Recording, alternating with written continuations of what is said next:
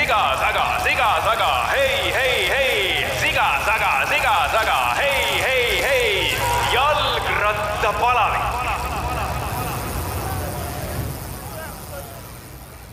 tere, head kuulajad! tänasega läheb käima uus taskuhääling ehk podcast Jalgrattapalavik. iganädalane saade, mis üritab Kuulde raadiosse jõuda igal kolmapäeval. Ja oleme siis tulevikus kättesaadavad Delfi avarustest ning pisut hilisemalt ka Baltic Chain Cycling kodulehelt, mis kajastab Baltikumi ja Soome jalgrattaspordi tegemisi. aga räägime kõigest, mis on seotud jalgrattasõiduga ja üldisemalt siis mitte ainult nagu spordist, kuigi sportlik pool on reeglina põhifookuses, aga huvitavaid teemasid jalgrattasõiduga seosus, seoses on, on kahtlemata veel ja sinnamaani välja näiteks, et tulevikus, noh, ütleme siin kümne-viieteist aasta pärast pole meil enam tavapäraseid automüügisalonge, vaid on auto- ja jalgrattamüügisalongid, sest jalgratas saab sedavõrd populaarseks sõiduvahendiks, eelkõige siis silmas pidades elektrirattaid, et kaherattalisi hakatakse müüma rohkem kui autosid. Ja, ja seda isegi meie kliimas. Ja mis meie kliimal viga on, kui vaadata välja, siis südatalvel pluss kraadid, okei okay,, see, see pori ja vihm on natukene paha, aga iga päev ei ole seda pori ja vihma ka.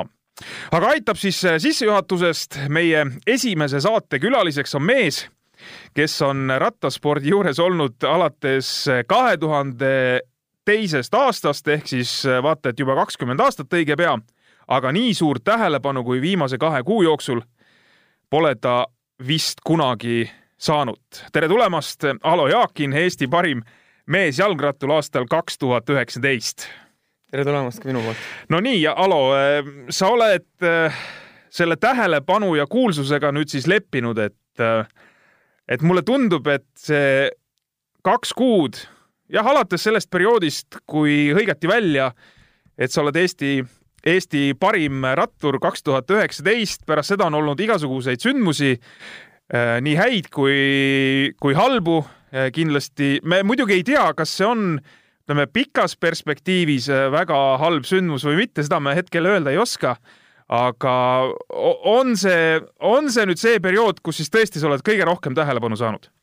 kindlasti jah, et kui sportlasena tulemusi tee, tehes käis see korraks võib-olla Delfist kuskilt Postimehest läbi, on see hetke niisugune väike, väikene kuulsus või ma ei teagi, kuidas, tänu selle eest, et oled tulemuse saanud, et väike reklaam, aga jah, nüüd viimase kahe kuu jooksul tänu, tänu parima, aasta parima jalgrattaja tiitli saamise puhul ja üldse selle hooaja tulemuste näol olen, olen täitsa pildis olnud jah, mis on, mis on, mis on harjumatu mõnes mõttes.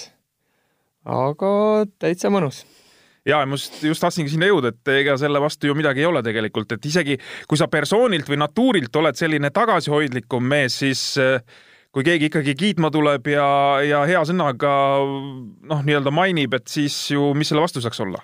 ei, kunagi ei, olen väga vastuvõtlik tänusõnadele ja, ja tänan inimesi, kes mind on toetanud, et äh, seda on alati tore, tore inimestega suhelda, kes, kes on mulle pöialt hoidnud ja kes, kes ka edaspidi hoiavad mu edasistes tegemistes. No nii, tuleb öelda praeguse seisuga, et äh, sa oled nüüd juba siis eks-tippsportlane, aga me jõuame sellest rääkida ja jõuame sinu äh, uutest ametitest ka juba äh, rääkida, aga lähme korraks sinna algusesse tagasi. Või noh, mis, mis nüüd nii korraks, et kaks tuhat kaks sa jõudsid siis äh, kolida perega Siimustist Tartusse juba selleks hetkeks või veel mitte, et sa kaks tuhat kaks läksid treeningule Pikkus Racing tiimi. jah, siis ma elasin veel Siimustis Jõgevamaal. aga trenni läksid siis kuhu?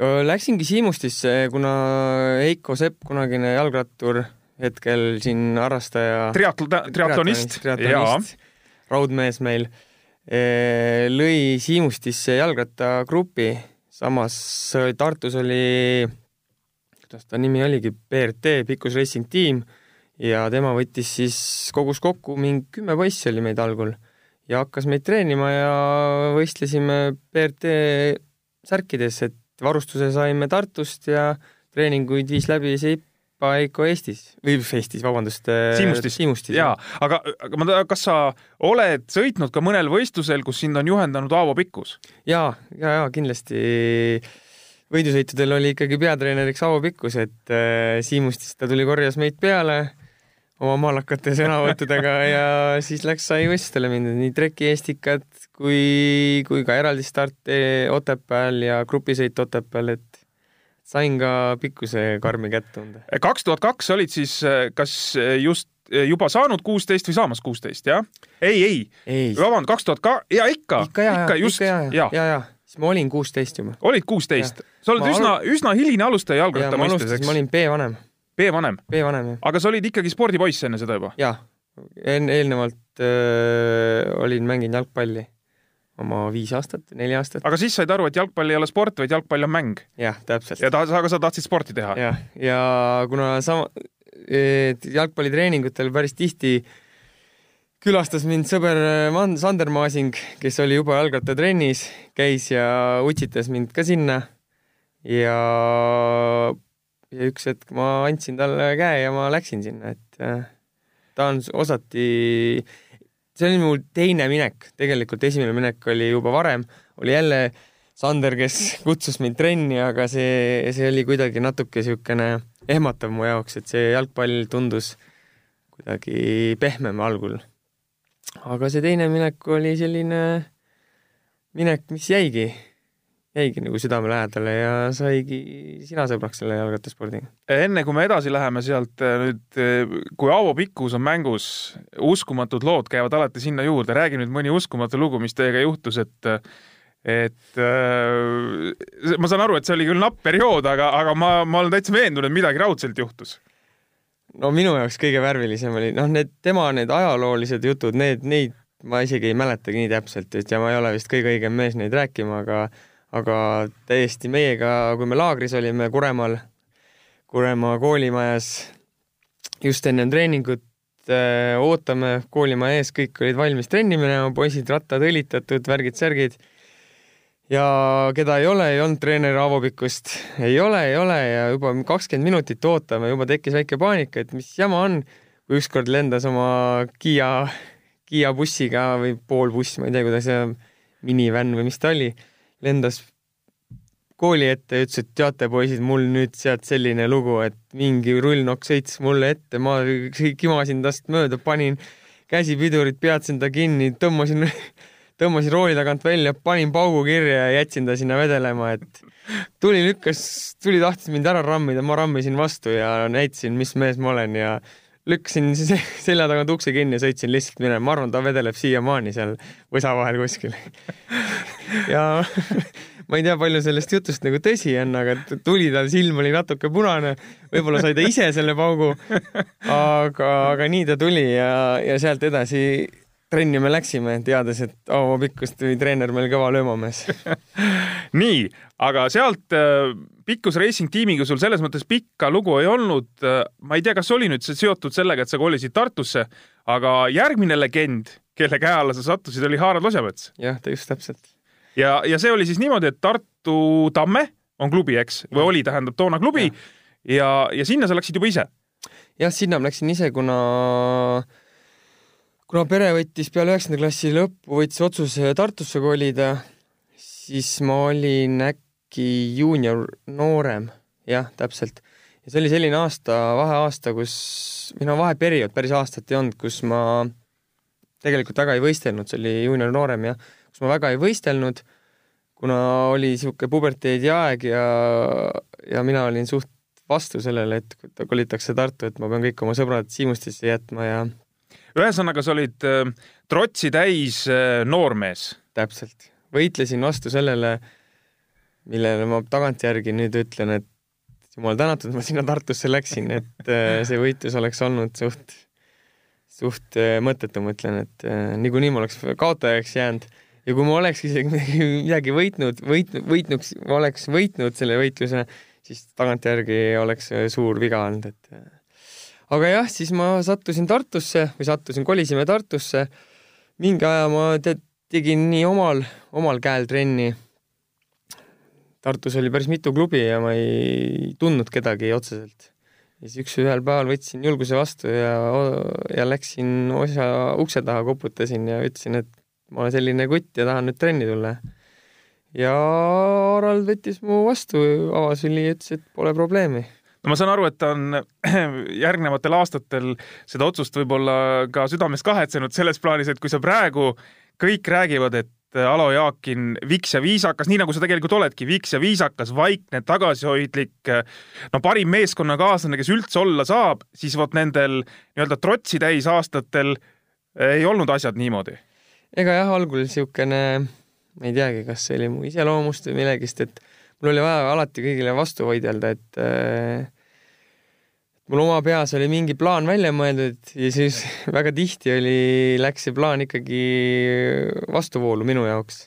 ja siis ma pidin oma sõjakust näitama ja Harald ei jätnud ka mainimata, et siuksed, siuksed Venemaa isemõtlejad väga kaugele ei jõua, et äh, aga ei, me ikkagi lõppude lõpuks leidsime niisuguse kesktee, et eks mina pidin enda, enda uhkust alla neelama ja oli ka kordi, kus Harald seda tegi, et äh, ja ega väga palju ei tulnudki oodata, kui, ma ei mäleta, mis aasta täpselt oli, kui ma talikrossi estikatel medali võitsin.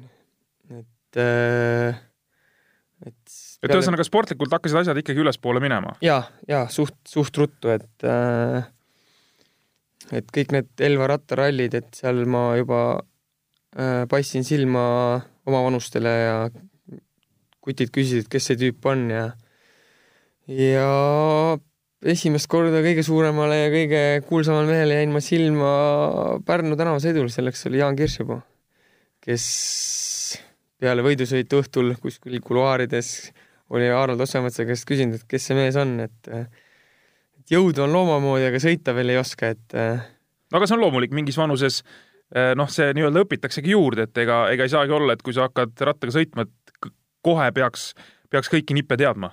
Jah, just täpselt, et äh, eks ma kasutasin seda energiat, mis mulle oli antud ja nii kaua kasutasin, kui mul seda oli, et ega võidusõidu lõpus oli ikkagi, tulemused ei olnud see, mille, mida võib-olla oleks võimeline sõitma sel, nendel hetkedel, aga, aga, aga ju õnneks oli mul kõrval äh, Tamme tiimil, tiimis vanemad ratturid, kes siis olid äh, liitunud Kalev Chocolate tiimiga, meie esimese profitiimiga. Äh, nimetame siis äh, Oskari Kargu. Vahur Valvas. Vahur Valvas.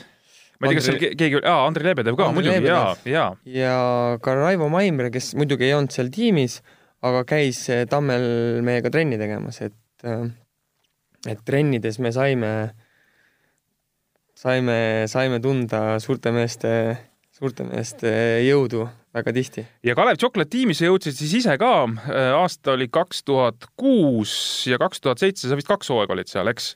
poolteist hooaega. või poolteist hooaega ja mina mäletan sellest ajast, kuna ma ise ka ikkagi puutusin natukene äh, Jüri Savitski tegemistega kokku, et Jüri küll hirmsat moodi kiitis sind, et vaata, vaata seda meest, et äh, äge kutt, et sellest mehest võib midagi tulla. ma ei tea, palju sa ise seal seda äh, enesekindlust kogusid, äh, olles seal Kalev Chocolate tiimis? ma alustan täitsa algusest, siis tegelikult oli niimoodi, et äh, see oli kaheteistkümnenda klassi lõpp ja mul oli kontakt olemas äh, ühe Prantsuse amatöörtiimiga juba. see oli eksamite aasta ja mul oli kõik kokkulepped olemas kooliga siis, õpetajatega ja direktoriga, et ma lähen aasta algusest lähen Prantsusmaale selle kontakti ajas välja mul Tarmo Raudsepp, kes sõitis sel ajal äh, Nantis on tema vist sõitnud kogu aeg, eks? Nantis sõitiski ja, ja sinna lähedale klubisse siis ma sain kontakti, aga see, see klubi lõpetas oma tegevuse. ma ei tea, miks, aga mul on veel näiteid minu karjääri jooksul, kus klubid lõpetavad, mul on käed käsi löötud, et lähen kohale ja klubi lõpetab tegevuse, et äh, seda pärast hiljemalt, aga aga jah, siis ma ei läinud, tegin eksamid ära ja, ja siis ma ei teagi, kuidas see asi täpselt läks, aga ma mäletan, Kalle Raudsepp oli, kes, kes mind soovitas ja lõpuks saigi siis peale Estikaid hooaja keskel käed löödud, et ma lähen stažeeriks äh, meie profimeeskonda. Ja kohe peale Estikaid, need olid veel äkki siin Jõgevamaal Estikad, Jaan Kirsipuu võitis veel eraldi stardi, mul on silme ees, kui ta Credia oli värvides, võitis veel eraldi stardi. et sealt otsekohe läksime Poola, mina, mina, kes polnud ühelgi vist olin vist UCI sõidul sõitnud, see oli Riia, Riia GP, Riia GP või mingi sihuke sõit oli kunagi. Seal olin sõitnud ja läksin kohe Poola kaks ühe tuurile, kus olid kahesaja kahekümnesed etapid ja ja pidi, elu, elukooli, elukooli võtmise tunnid hakkasid, et no ma vaatasin, et selle teise aasta või siis ütleme, selle ühe täispika aasta, mis sa seal tiimis olid, siis selle aasta lõpus seal Bulgaaria tuuril sa isegi jõudsid ühe korra juba kolme hulka, nii et et ma muidugi ei ole Bulgaaria velotuuril kunagi ise kohapeal käinud, et ma ei tea, mis elu seal käib, aga, aga ju seal neid sõidumehi, sõidumehi ka ikkagi oli. No sõidumehe oli seal kõvasid, et seal isegi liiga kõvad sõidumehed olid, et noh, Bulgaaria, Bulgaaria on vana vana idabloki maa, et eks, eks neid sõidumehi jätkus seal ja, ja just need vanakooli mehed sõitsid seal kuidagi väga hästi nii siledal kui tõusudel, et äh, et jah, aga Bulgaaria tuur on väga värviline tuur, et äh, ta kestab vist äh, üksteist etappi. just oli. mingi, ma tahtsingi öelda, mingi kümmekond päeva või isegi jah, peale. kümme päeva ja üksteist etappi, et seal on kak, kas kaks või üks, kahel või ühel päeval oli paaris etapidel, et äh, et alustad pealinnast ja teed terve selle üheteist päevaga, teed nagu siukse kultuurireisi, et näed kõike, et näed mägielanikke, näed metsa sees onnis, pead mingil etapil elama, et et ma ütlen, ma olen kaks aastat seda sõitnud, esimene aasta lõppes mu jaoks kurvalt, kõhu, kõhuviirusega, minu arust oli äkki mingi kakskümmend meest, kes lõpetas niimoodi. sest noh, kui õhtul sõid kana soojana, siis hommikul külmkapist võeti ta külmana, et äh, üks sama toit ja minu organism ei pidanud sellele vastu ja neid oli veel, kellel ei pidanud, aga ei jah, teisel aastal ma suutsin olla teine ühel etapil ühe Astana venna, kes pärast kirjutas Astanaga alla, ma tean, et jaa, täpselt, ma vaatasin ka oligi ja seal oli sellel samal etapil veel sinu järel oli ka seal mingi tüüp, kes ka hilisemalt sõitis Astana ja. meeskonnas, jaa. et mul oli, ma ei ütle, et ma mingi sprinter olen, aga ka siukses keerulistes sprintides, kus oli osavust ja kiirust vaja, siis seal ma suutsin ikkagi hästi sprintida, et numbrite poolest ma pole kunagi olnud midagi erilist, aga äh, numbrite poolest sa pead siis silmas äh, neid numbreid, mis testidel tehakse? jah, täpselt, et testidel oled sa, testidel oled sa siis kõige viletsam mees, ma saan aru? ma ei tea, kas nüüd kõige viletsam, aga siin noh, mis jääb mulle meelde, kunagi käisin, esimest korda vist käisin Indrek Rannamaa juures ja peale kolmekümne minutilist testi, siis ütlesin, teeme sprinditesti ka, ma ütlesin, et ikka teeme jah. siis ma mäletan, mul oli vist mingi tuhat ükssada vatti suutsin välja ajada sel hetkel ja siis äh, Indrek Rannamäe ütles selle peale, et kuule, et, et kuidas sa siin Tallinn-Tartu GP-l suutsid ennast Jaan Kirsipõõral neljandaks sprintida, et niisuguste vattidega ei saa tead midagi teha ja siis ta ütles, et ma tossudega teen ka kõvemad sprindivatid ja istus mu ratta selga ja väntas tossudega ka kõvemad vatid välja ja siis mul oli veits võttis masti, masti maha või?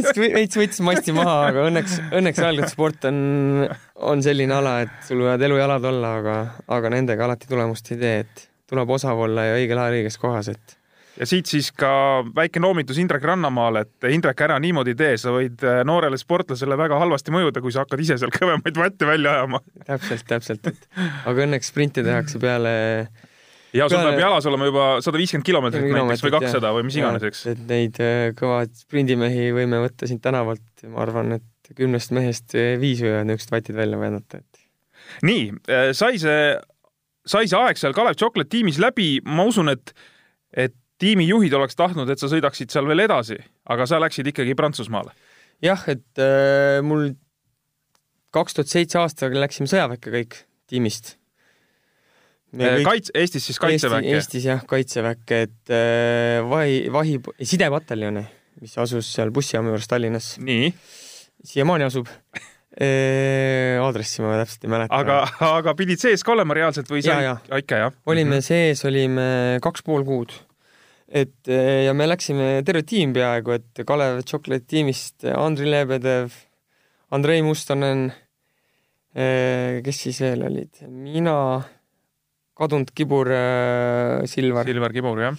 ja Janar Ermakov, et me olime ikka terve tiimina, tiimina sees ja no see aasta oli hea aasta, kus oli hästi palju sportlasi, et kaks rühma oli täiesti täis ja siis osad lükati tavameestega ühte rühma, mis oli suht, suht, suht jama neile meestele, sest et äh, ne, nemad pidid äh, tava, tavapoiste moodi asju ajama, mitte nagu meie saime sportlastega.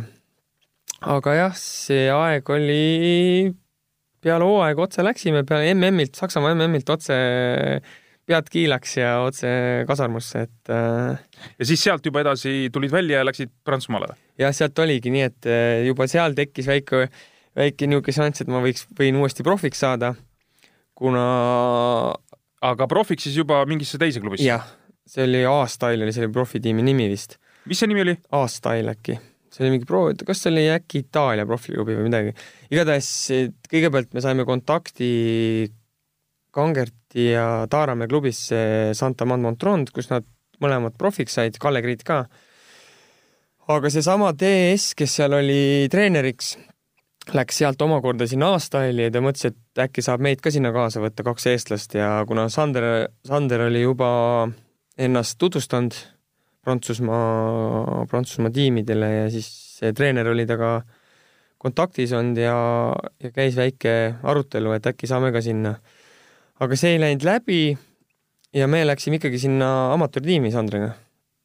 aga esimese kuu möödudes noh, tegelikult kõik klappis, saime sellise korteri, kõik olime motivatsiooni täis ja siis tuli üks kurb uudis linnapea kes äh, rahastas või kes leidis meile raha sellele tiimile, suri ära terviserikke tõttu vist ja noh, ta oli noh, ikka terviserikke, ta oli vana ka, aga terviserikke tõttu minu teada ja siis olime lageda taeval, et äh, raha meil ei olnud.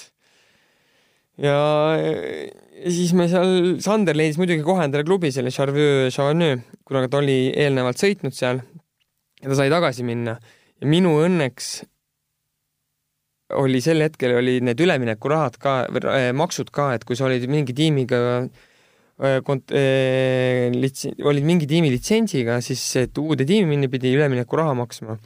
aga minu õnneks oli see, et mina ei olnud veel ühegi tiimiga võistelnud, võistelnud ja, ja litsentsi mul veel ei olnud. Ja,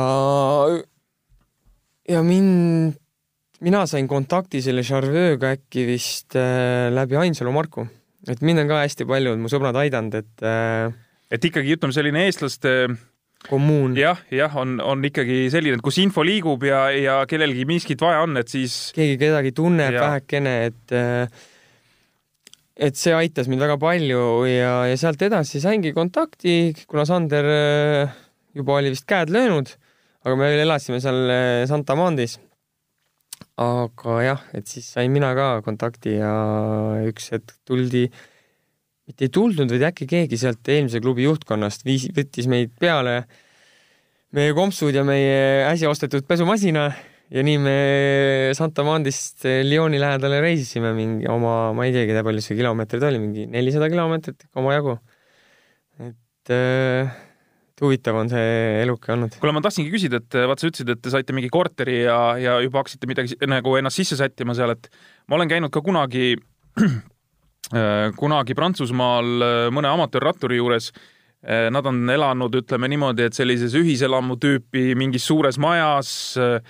ümberringi on araablased ja ratast ei saa kusagile jätta, see lihtsalt virutatakse kohe ära ja nii edasi, et, et Äh, hommikul tõusevad hiljem üles sellepärast, et siis saab hommikusöögi vahele jätta, sest raha ka väga ei olnud, et mingit sööki osta, et mis elu see amatööri elu seal Prantsusmaal on, kas see, mis ma praegu rääkisin, on pigem selline ekstreemne näide või, või see ongi selline noh, nii-öelda igapäev, argipäev, kui sa, kui sa lähed siin, okei okay,, sa oled võib-olla juba noh, natuke nime teinud, oled seal juba kõvem mees, et mõned aastad sõitnud võib-olla, et siis on võib-olla vähe teistmoodi või, või kuidas see elu seal on? No ma olen kõike tunda saanud, et seesama, see esimene aasta, kui me seal klubita olime, siis oli ikka kurvad ajad, meil oli kahe peale viiskümmend eurot. viiskümmend eurot kuu, äh, mis perioodiks nädala, nädalaks, nädalaks. Mm -hmm. ja pidime seda jagama, ehk siis pooleks, kes arvutada oskab, ma arvan, igaüks oskab, et kakskümmend viis näkku. ja, ja nii oli, et see, noh, see oli küll kurb hetk, mingi hetk oli küll, et äh, noh, eks mul seal oli ka oma jäärapäi, sest ma ei, olin Kalev Tšoklerist siis läinud juba ja siis enam vanematelt raha ei tahtnud ja tahtsin olla iseseisev ja samamoodi seal, et vanematelt ma raha ei tahtnud ja lootsin ikkagi ise hakkama saada. aga mingi see, mingi aeg läks see asi ikka nii hapuks, kus juba tuli, pidi vanematele ka ütlema. tegid kõne ikkagi koju ära või? tegin kõne koju ja ütlesin, et ei, et nii, nii, nii ikka vist ei saa, et kas tulen koju ära, et leiate selle raha ja kuigi noh, see oli väga raskelt, raskelt tuli mult suust välja, et ma ei tahtnud seda ja aga näed, õnneks ikkagi siplesime välja niisugusest raskest olukorrast ja ja edasine klubi ja elu oli see korter oli ees, me olime, meil oli selline maja, klubil oli selline korter, mis oli lasteaiaga ühes hoones. et eh, neljatoaline korter oli ja see oli täiesti okei okay,, et seal noh, sellist, sellist elu ma ei ole elanud, et umbes, et söögi ja sellega, söögiga peab mingit eh, palga saime kohe ja kõik nagu klappis ja sel hetkel oli see kolmsada eurot oli vist kuu jah, auto auto oli meil, auto ja kütus oli ja söögi pidime ise ostma, et see kolmsada eurot ma suutsin isegi lennupileti raha sealt kõrvale panna. et andis säästa isegi? andis isegi säästa ja, ja pluss siis veel äh, tulid auhinnarahad, et noh, see esimene aasta oli täiesti okei okay,, teine aasta, no olin kaks aastat olin seal Lyoni lähedal, et seal oli kõik okei okay,, et see, see minu, noh, mina ei ole niisugust ühikaelu päris elanud, et et äh, korterid on okeid olnud okei okay,, põrandal oled madratsi peal maganud, esimeses kohas magasimegi, aga see, see mind ei ole kunagi häirinud, et kas ma magan viisteist senti kõrgemal, viis senti madalamal, peaasi, et korter soe on ja madrats piisava kõvadusega, et see mind ei häiri, aga aga sealt edasi Sarvjööst ma läksin siis ülespoole Pariisi külje alla. Et eh, muidugi jah, see Charveux aasta oli ka päris niisugune huvitav, noh, esimese võidu ma sain esimese hooaja viimasel võidusõidul ja see oli ka karikas, TN2 karikas ehk siis see klubi oli. Äh, karikas siis Prantsusmaa karikaetapp, aga mitte siis nii-öelda ütleme eliit amatöörklubidele, vaid aste divisjoni allapoole. divisjoni mm -hmm. allapoole ja see oli finaaletapp ja ma võitsin selle ära ja ma võitsin ka kokkuvõtte, kuna eelnevatel sõitudel olin headel, headel kohtadel lõpetanud, mitte just poodiumil, aga suht headel kohtadel punktide poolest olin ma suht äh,, suht normaalsel kohal. Ja viimase etapi võites võitsime ka meeskondlikult ära, et see oli kuidagi, kõik klappis ja, ja see oli mu esimene võit. Ja see oligi mu esimene üks suurimaid võite, et äh, kus ma sain käed taeva poole tõsta maanteesõidus, et äh, ma ei olnudki seda varem kogenud. ja sealt edasi tuli niisugune huvitav aasta, kus mul oli üheksateist kohta üheksateist kohta. üheksateist kohta, mitte kordagi ei, ei võitnud, ei suutnud võita, et ma ei tea, mis, mis needus mul peal oli, aga nii oli ja, et ma lõpetasin hooaja üheksateise kohaga. ja, ja ei saanudki ühtegi võitu. ja ei saanudki ühtegi võitu.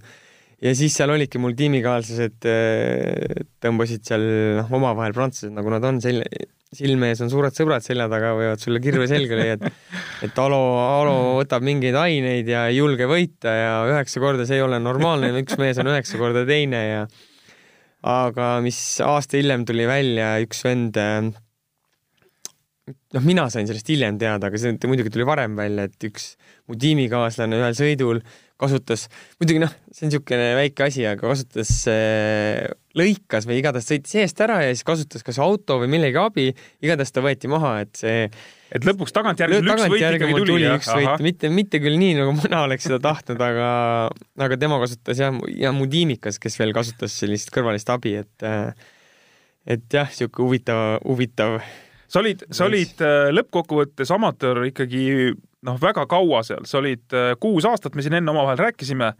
Ja, ja põhimõtteliselt ütleme, oli ikkagi niisuguse viimase vindi peal juba, et kas sa, kas sa suudad sealt läbi murda profide hulka või ei suuda?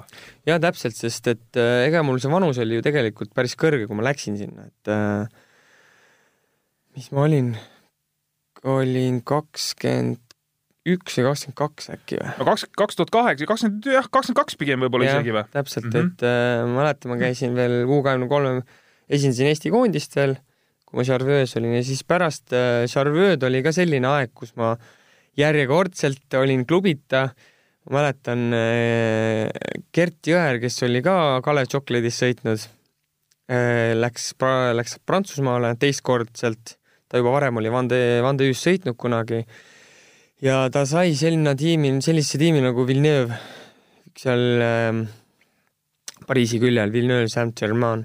Ja seal oli veel ees varem olnud Kibur ja Adam Illingworth, kes on nüüd meil siin fotograaf ja endine rattur, lõuna-aafriklane ja, ja siis Gert oli ees seal ja meil, minul klubi ei olnud. Ja ma ei mäleta, kas Risto, Risto Raid sõitis ka seal klubis, aga Risto Raid tuli vist hiljem sinna minu teada. jah, tuligi hiljem ja mul oligi see, et äh, mul ei olnud klubi ja ma ütlesin, et Charveus ma ei jätka, järjekordselt olin niisugune jäärapäine, et äh, igal asjal on oma aeg. ja noh, tegelikult mul oleks võimalus olnud, olnud seal sõita veel, aga aga ma ei näinud, ma kuidagi nägin, et ma olin ühe koha peal ja ma vajasin uuendust ja, ja siis üks prantslane ajas mulle välja selle koha seal ja see päris kaua aega läks selleks aega, et ma mäletan, see hooaja algus oli mul niisugune mitte tavaline, mitte tavaline, et äh, ma sõitsin, sõitsin oma elu suusakilomeetrid vist äh, sellel talvel, et äh, terve jaanuari, terve jaanuarikuu ma suusatasin, ma mäletan. aga Eestis siis või? Eestis, Eestis jah ja.? et ma läksin ära Prantsusmaale, see oli jaanuari, jaanuari lõpp ja terve see aeg ma olin suusatanud, et Gert oli seal juba ees ja, ja siis õnneks ma sain klubi ja sealt edasi siis ma olin Gerdiga koos, et noh, see ongi see, et äh, ma olen kogu aeg mingi eestlasega koos olnud, et Charveus ma olin Janar Ermakoviga koos. see aitab vist päris palju. ja, ja kindlasti.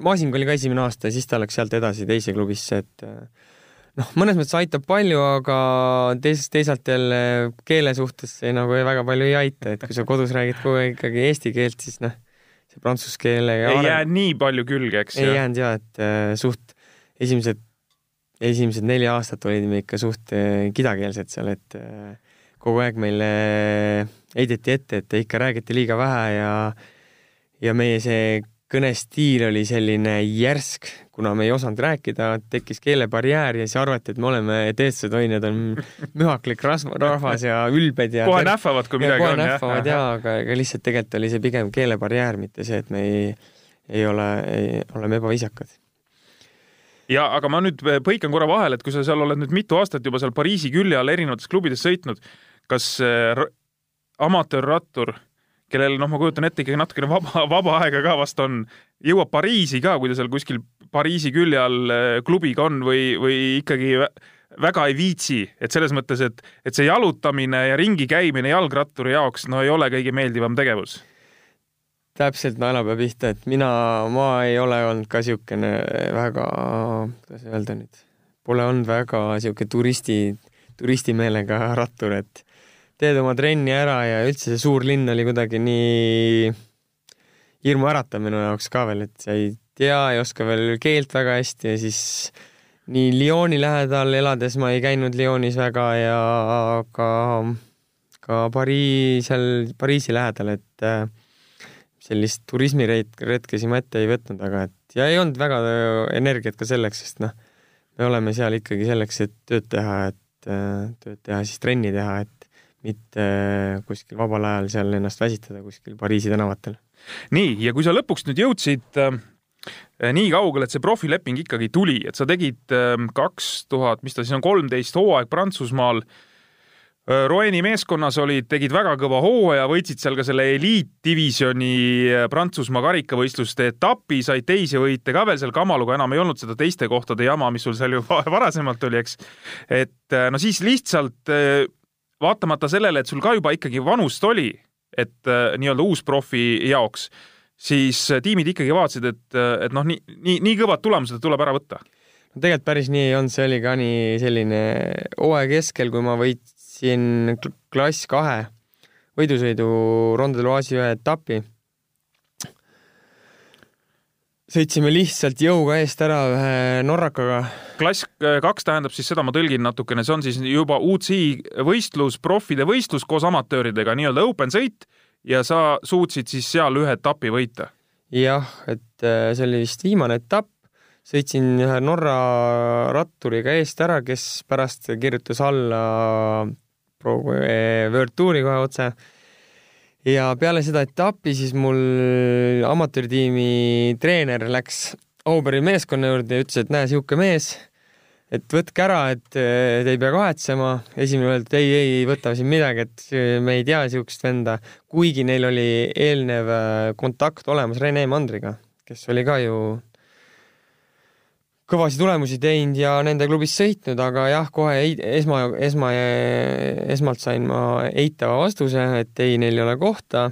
jah, Rene tegi ju oma profidebüüdi selles samas klubis, eks? esimest, jaa, ühe aasta sõitis seal. ja, ja sain eitava vastuse, mis noh, ma jätsin selle asja sinnapaika, jätsin, jätkasin oma head karj-, hooaega ja ja, ja mingil hetkel lihtsalt kuidagi äh, selle Auberi tiimi amatöörmeeskonna treener tuli mu, tuli minu juurde, see oli Cherbourgi tuur Põhja-Prantsusmaal.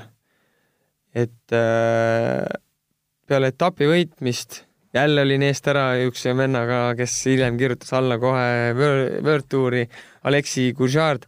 tegime jõu- ja mina võitsin etapi, tema oli teine tuli minu juurde ja küsis mu käest, kuule, et sul siuksed tulemused see hooaeg, et äh, sul tiim on või järgmiseks hooaegs? ma ütlesin, et ei ole. ma ütlesin, et amatöörtiim ikka on jah, aga lepingut ei ole ja kontakte ka ei ole. mis mõttes ei ole kontakte, ütles mulle ja kuidagi siuke väga imestunud oli. ma ütlesin, et ei ole.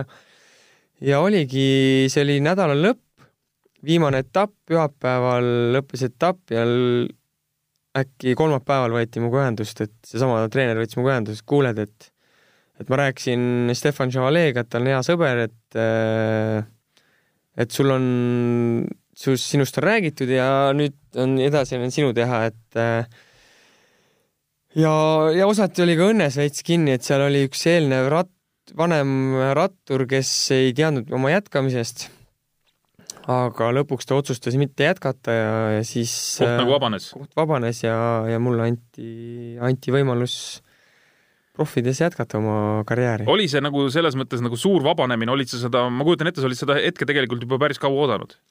jaa, tegelikult mul esimene võimalus, mul oli veel üks võimalus vahepeal, mida sõber Rein Taaramäe utsitas tagant kohvidesse kunagi, aga see läks jälle vett vedama, sest et seal tuli valik kas eestlase, eestlase ja hispaanlase vahel ja valiti hispaanlane.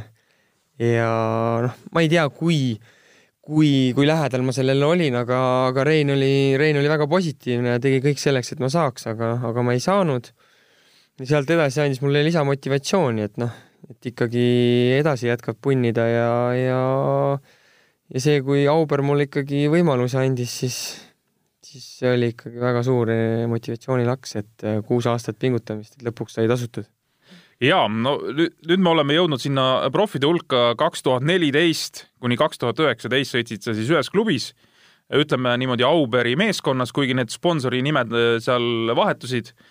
et ähm, see on siis nii-öelda kõige madalama kategooria profitiim ja aastal kaks tuhat viisteist tegid sa ikkagi väga muljetavaldava hooaja minu meelest ja, ja noh, sinu enda jaoks võib-olla mingid, ütleme, see Prantsuse karika, karikaetapp on kindlasti väga meeldejääv, mida, mida sa võitsid tol aastal.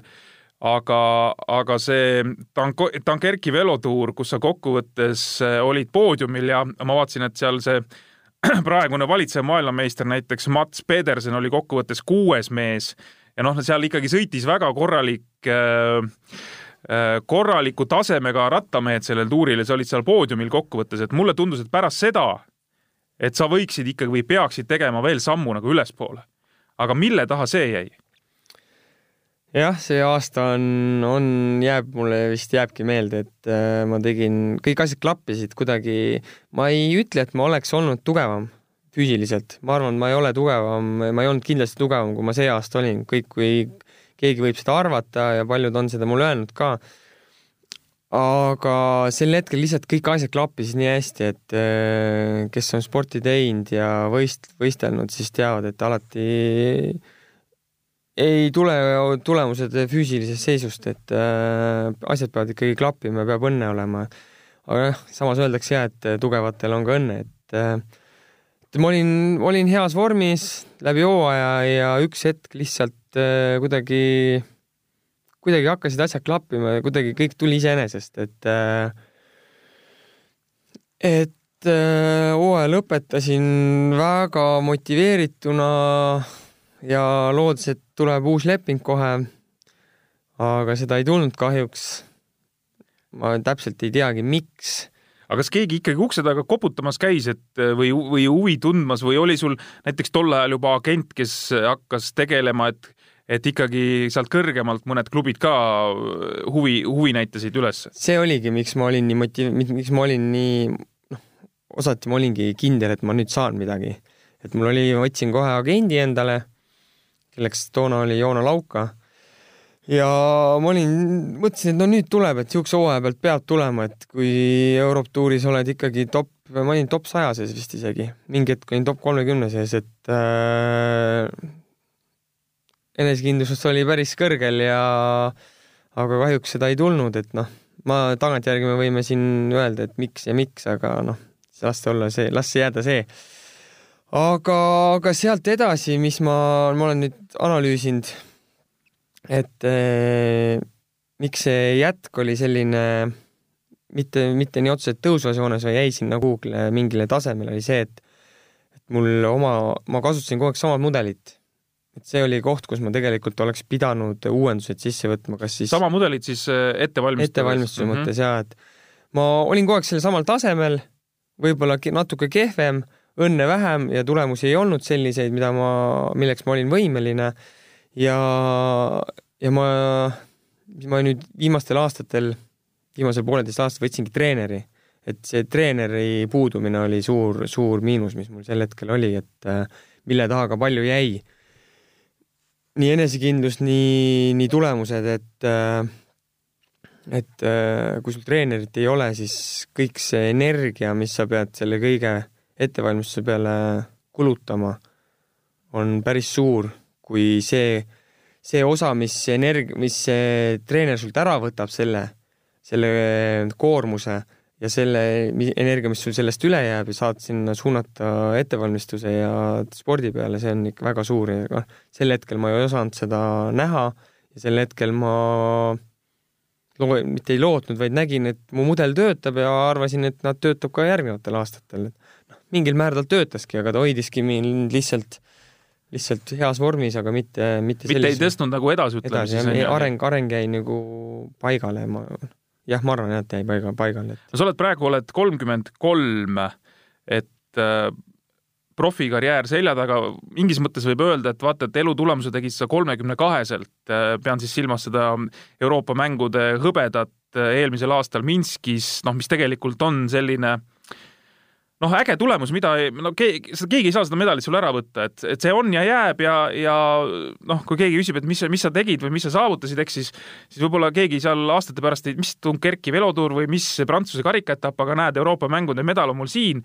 Äh, vot, vot selle ma tegin ära, et see, see, see on nagu selline noh, väga kihvt asi näppude vahel. et kolmekümne kaheselt, aga see siis nagu ikkagi vaata kinnitab jälle seda trendi, et äh, või seda teadmist, et kakskümmend seitse kuni kolmkümmend kaks või, või noh, me võime nihutada neid kakskümmend kaheksa kuni kolmkümmend kolm või kolmkümmend neli, et see ongi see kuldaeg, et, et, et see ongi võib-olla see periood, kus need kõige, kõige paremad tulemused tehakse. jah, täpselt, et äh, seda ma olen varasemalt kuulnud ka. ja mina, minu karakter või minu, minu e karjäär on ka selline olnud, mis on nagu sellise ili, hilise tärkamise, tärkamisega olnud, et äh, ratta juurde ma tulin hiljem kui teised minu vanused, lahkusin hiljem kui teised minu vanused. et noh, ma pean silmas Eesti, Eesti, Eesti mehi, et äh, üksinda, üksinda ma oma vanustest olen no, kui, jäänud. jah, et kuigi sa ei ole nüüd ütleme nüüd väga palju ju teisest generatsioonist, kui on äh, Tanel Kangert ja Rein Taaramäe, tegelikult on aasta vahete läinud. jah, aga nad on, no nad on, nad on teist, ma ei liigita ennast nagu samasse gruppi kui nemad, et nemad on meil ikkagi niisugune äh, niinimetatud äh, kõrgema leveli poisid, et äh, et, et ma just võtangi need kaheksakümne kuuenda aasta vennad ja kaheksakümne viienda aasta vennad, et, äh, et kuigi jah, ega meil Reinuga väga palju isegi kui sa võtad veel, just, et kui sünnipäevad veel võtad, siis on, on, ei tule aastatki seal, jaa. täpselt, et äh, aga jah, see medal, medal oli, ma ei teagi nüüd siin, kui asjad kindlad, et asi on, kõik on läbi vähemalt profikarjäär, et, et see oli, ju siis oli kellegi poolt väike kingitus mu tehtud tööle äkki, et tuli ta üllatusena, aga ega ma olen väga palju selle jaoks tööd teinud, et siukse, siukse asja, asjani jõuda, et ja väga suur aitäh minu itaallasest treenerile, et kes, kes tegelikult siin viimase pooleteist aastaga tegi selle, mida ma ei ole suutnud teha viimase ütleme nelja aastaga siis, et äh, profides, et et ta on öelnud ka, et äh, mu areng on nagu mingi sellel kahekümne aastasel, et mis on, mis selline väga naljakas tema puhul, et ta, kui me käed lõime, siis ta Mihkel Räimega omavahel ja Martin Laasiga arutasid, ütles, et noh, eks see riskibusiness on siukse, siukest meest treenima hakata, et äh, kuna vanus on juba nii kaugel, et tema areng ei ole kindlasti selline, mis noortel poistel, et aga näed, tõestasin vastupidist ja kõik numbrid aina kasvasid, et et äh, tagasisammu ei olnud kordagi, mis on väga huvitav, et äh, samamoodi oli ka, kui ma alustasin rattasporti, et äh, kuidagi järsk tõus tuli kohe ja, ja mis on positiivne. räägime nüüd tulevikust ka, sa oled, ma ei tea, kas sa oled juba ametlikult ikkagi Eesti juunioride koondise treener või mingisugune ametlik äh, fi, äh, allkirjade panemine lepingule alles tuleb või kõik on juba paigas?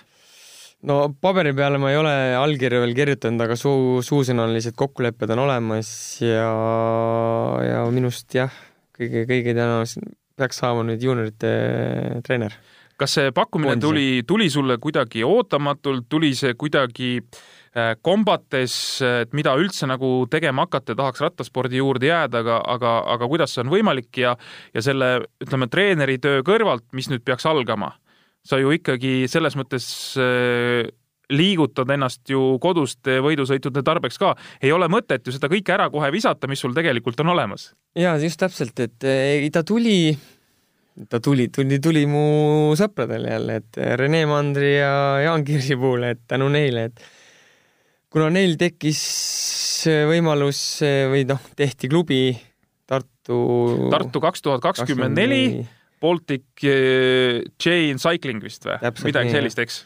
ja Jaan Kir-, Kirsipuu läheb sinna siis direktor sportiifiks, kuna tal on nimi ja kuna selle nimega avab palju uksi ja on ka kogemused poistele, et no. ja see on siis nüüd teine Eesti klubi, mis on siis registreeritud rahvusvahelise jalgrat-, Tartu Jalgrattaliidu juures kui äh, profimeeskond, et kunagi oli siis Kalev Chocolate tiim, see lõpetas tegevuse kaks tuhat kümme või kaks tuhat üksteist, mingi see periood ja nüüd siis äh, nii-öelda uus tulemine. selle vahega ainult, et seal, seal see tiim on siis äh, Espaaride tiim ehk äh, ja, alla U kahekümne kolme ratturid on seal, et. ja seal on siis mitte ainult eestlased, vaid äh, nüüd on soomlased, lätlased ja tulevikus ma saan aru, et tahetakse, et ka mõni leedulane hakkaks sõitma seal. jah, kuna see Balti Balti tiimide, Balti või noh, Balti ühinemine või kuidas nad seda nimetavad nüüd, et äh, et ühesõnaga Jaan läks sinna? Jaan läheb, Jaan jah? läheb sinna ja siis ütles, et äh, neil oli meest asemele vaja ja ja noh, algselt nad ei olnud sellega arvestanud, et algselt oli siin veel mitu nime laual, aga aga no ütleme välja, et laual oli Oskar Nisu nimi näiteks, nii palju kui ma tean, aga Oskar äh, Äh, jätkab sõitmist. jah, täpselt ja Oskar leidis endale lepingu, Oskarist saab proff. ja Valgevene klubi, eks on vist Valgevenes registreeritud klubi, aga sõidavad peamiselt Aasias vist. jah, täpselt. jah. ma ei teadnud, mis selle tiimi nimi täpselt oligi. aga, aga jah, Oskar sõidab edasi, mis on väga tore, et noor kutt las sõidab, et kui ta ikkagi tunneb, et tas veel on midagi ja ja tema on täpselt samamoodi, treenib sellesama itaallasest treeneri all ja ta, ta on ka aastaid siin virelenud küll terviseprobleemidega, küll valesti treeni. ületreeningut on olnud ja. et, et nüüd on ka eelnev aasta siis kaks tuhat üheksateist, kus ta, kus ta suutis ikkagi areneda ja ta näeb, et ta annab veel endale aastakese võimalust äh, koostööks ja rattaga sõitmiseks, et tuult tiibadesse talle ja mina, mina toetan teda igati sa siis viid nüüd ennast kurssi Eesti jalgrattaspordi järelkasvuga, et hakkad käima võistlustel, mis võistlustel hakkad käima, sa hakkad juba käima nendega teste tegemas? jaa, teste tegemas ja nüüd kohe peaks trekilaagrisse minema nendega Leetu. ja Leedus ju tulevad trekisõidu Eesti meistrivõistlused mingil millest hetkel. ma kahjuks osa ei saa võtta, kuna mul on äh, treeneripaberi koolitus, et äh, Tallinnas, et ma pean need läbima ka kiiresti-kiiresti, et ja peale seda siis äh, Lähme kolmeks nädalaks laagrisse kilomeetreid koguma, mina, Jaan ja siis veel keegi kolmas peaks appi tulema, kuna see aasta on meid kuusteist meest vist, rekordiline arv juunioreid. ja peale kevadist ettevalmistust kolm nädalat Hispaanias tuleme korraks koju ja sealt siis edasi Belgia turneele, et äh, sealt tuleb ka omakorda kolmenädalane võistlusprogramm, et kohe saab, kohe saab käe valgeks. et ühesõnaga tegelikult ütleme, selline elurütm väga palju ei muutugi selles plaanis, et sa ikkagi pead ära olema. et küll sa nüüd ise ei sõida võidu, aga nüüd sa noh, nii-öelda teed muu, teed muu, muid asju seal.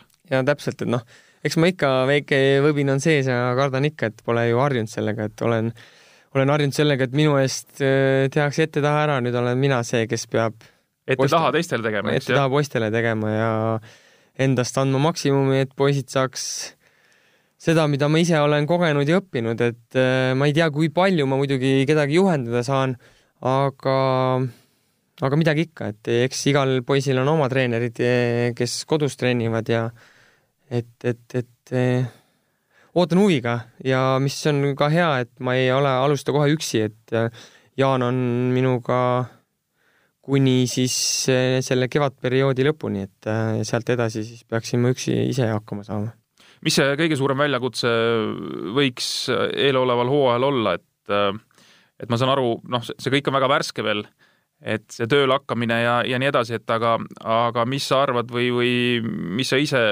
loodad, et mis see aasta võiks, võiks nagu selle tööplaanis nagu tuua kõige ägedamat?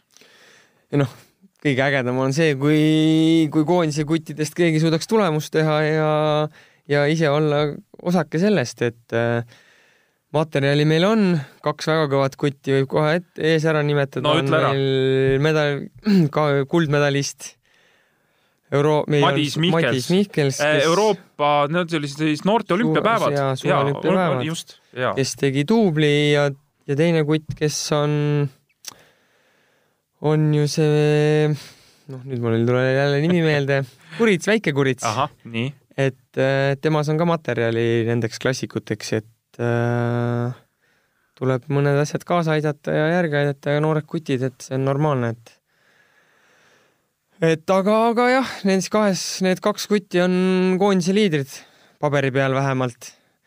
ja, ja vaatame-näeme, et eks sinna lisaks tuleb veel kutid, kes peaksid neid aitama ja võib-olla on ka veel selliseid äh, avanemaid, avanemaid poisse, kes see hooaeg ise tulemust teevad. ei, kindlasti ja, ja see on ju noh, alati tegelikult olnud see, et ega tähti sünnib rohkem siis, kui ka selline tuumik on olemas, kes on sul väga head treeningpartnerid, kes motiveerivad sind veelgi paremaks saama, eks, et mitte niimoodi, et meil on üks-kaks noh, nii-öelda head, keegi teine sõita ei jõua ja, ja siis on ausalt öelda tõenäosus ikkagi, ma arvan, suurem, et et ka need tähed ei lähe nii suurteks tähtedeks, kui nad võiks minna. et ja kasutatakse, lastakse liugu nagu, noh, ma ei tea, kas lastakse liugu, on õige sõna öelda, aga lihtsalt ja, et äh, no ei võeta viimast võib-olla, eks. ja võivad ka need tähed veits kustuda, et ega, ega nii on ja, et äh, sise, sisemine konkurents on ju asi, mis viib edasi, et äh... tüdrukutega hakkad ka tegelema?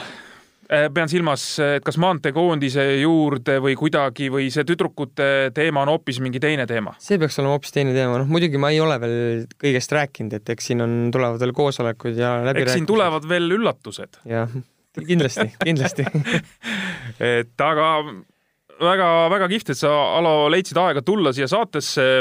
sa oled ju jätkuvalt Tartu mees, me salvestame seda saadet Tallinnas ja noh ikka ütleme niimoodi, et see on ikka väike, väike tegemine, et sealt Tartust siia tulla. ja, ja kuna ma ei ole hommikuinimene ka, siis hommikul silmad lahti teen, siis ma ütlesin, ausalt võin öelda, et äh, kas ma pean sinna Tallinnasse nüüd minema, et, äh, et jah, need hommik nagu sportlasenegi hommikused stardid on väga keerulised mu jaoks olnud. nojah, aga kui sa ikkagi oled juba nii kuulus mees, nagu sa viimase kahe kuu jooksul oled, eks siis ei saa latti enam allapoole ka viia. täpselt nii ja no kõik on ja kõik see on Eesti rattaspordi hüvanguks, et pole probleemi lõppude lõpuks, et viis minutit on kehv, peale viite minutit on mootor käib ja siis võib pedaali anda. nii, aitäh veel kord, Alo, sulle tulemast, jõudu-jaksu, meil. Ei lähegi enam väga kaua aega, kui võistluskarussell ka äh, käivitub esimestel meestel kes on minemas Austraalia poole õige pea, mõne päeva pärast. Juba, muidugi ma ei tea, seal Austraalias selle põlengu värgiga on ikka väga pahasti ja, ja kas nüüd seal Adelaide'i ümbruses ka, ka on nii kriitiline olukord, et äh, saab kuulda-näha, et praegu ma sain aru, Down Under velotuuri korraldajad on öelnud, et hetkeseisuga peaks see velotuur toimuma, aga hoitakse noh, ikkagi kõiki kursis kogu aeg, et, et mis need seisud reaalselt seal on. jah, ma ka lugesin kuskilt Cycling Newsist, et äh, peaks toimuma. ja esimeses stardis on ju meil kohe Martin Laas ja, ja teis, teine kutt, kes sõidab, on Mihkel Räim, aga Mihkel Räim ei sõida Down Underit, vaid sõidab seda peale Cadel Evansi Ocean Race'i seda tuuri vist. seal on isegi vist pärast seda Down Underit on kaks ühepäevasõitu, kui ma olen aru saanud, sel aastal on Jaa. kaks ühepäevasõitu, et võib-olla siis Mihkel sõidab mõlemat või? sõidab äh, jah, neid ühepäevasõite ja siis sõidab peale seda veel ühte tuuri. et äh, seda vist äh, Martin Laas ei sõida, seda ma kindel ei ole, aga, aga minu teada on see nii. Ja Martin peaks ära tulema siis, kui see Cadel Evansi sõit läbi on, et siis juba Euroopasse tagasi. aga oleme siis esimese jalgrattapalaviku podcasti ära kuulanud, ütleme nii, et tunnike läheb üsna lennates, pooled asjad jäid rääkimata, aga küll me jõuame Aloga neid asju veel arutada siin edaspidi, nii et tänud kuulamast ja nädala pärast oleme tagasi siis juba uue külalisega. aitäh! siga taga, siga taga,